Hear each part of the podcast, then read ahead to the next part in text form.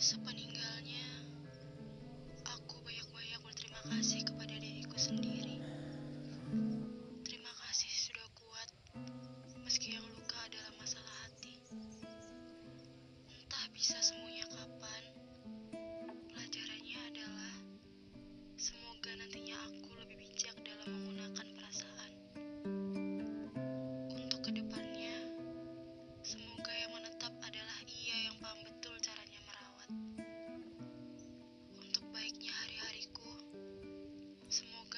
pergi adalah ia yang memang paham betul betapa sulitnya diri ini percaya lagi pada seseorang yang baru.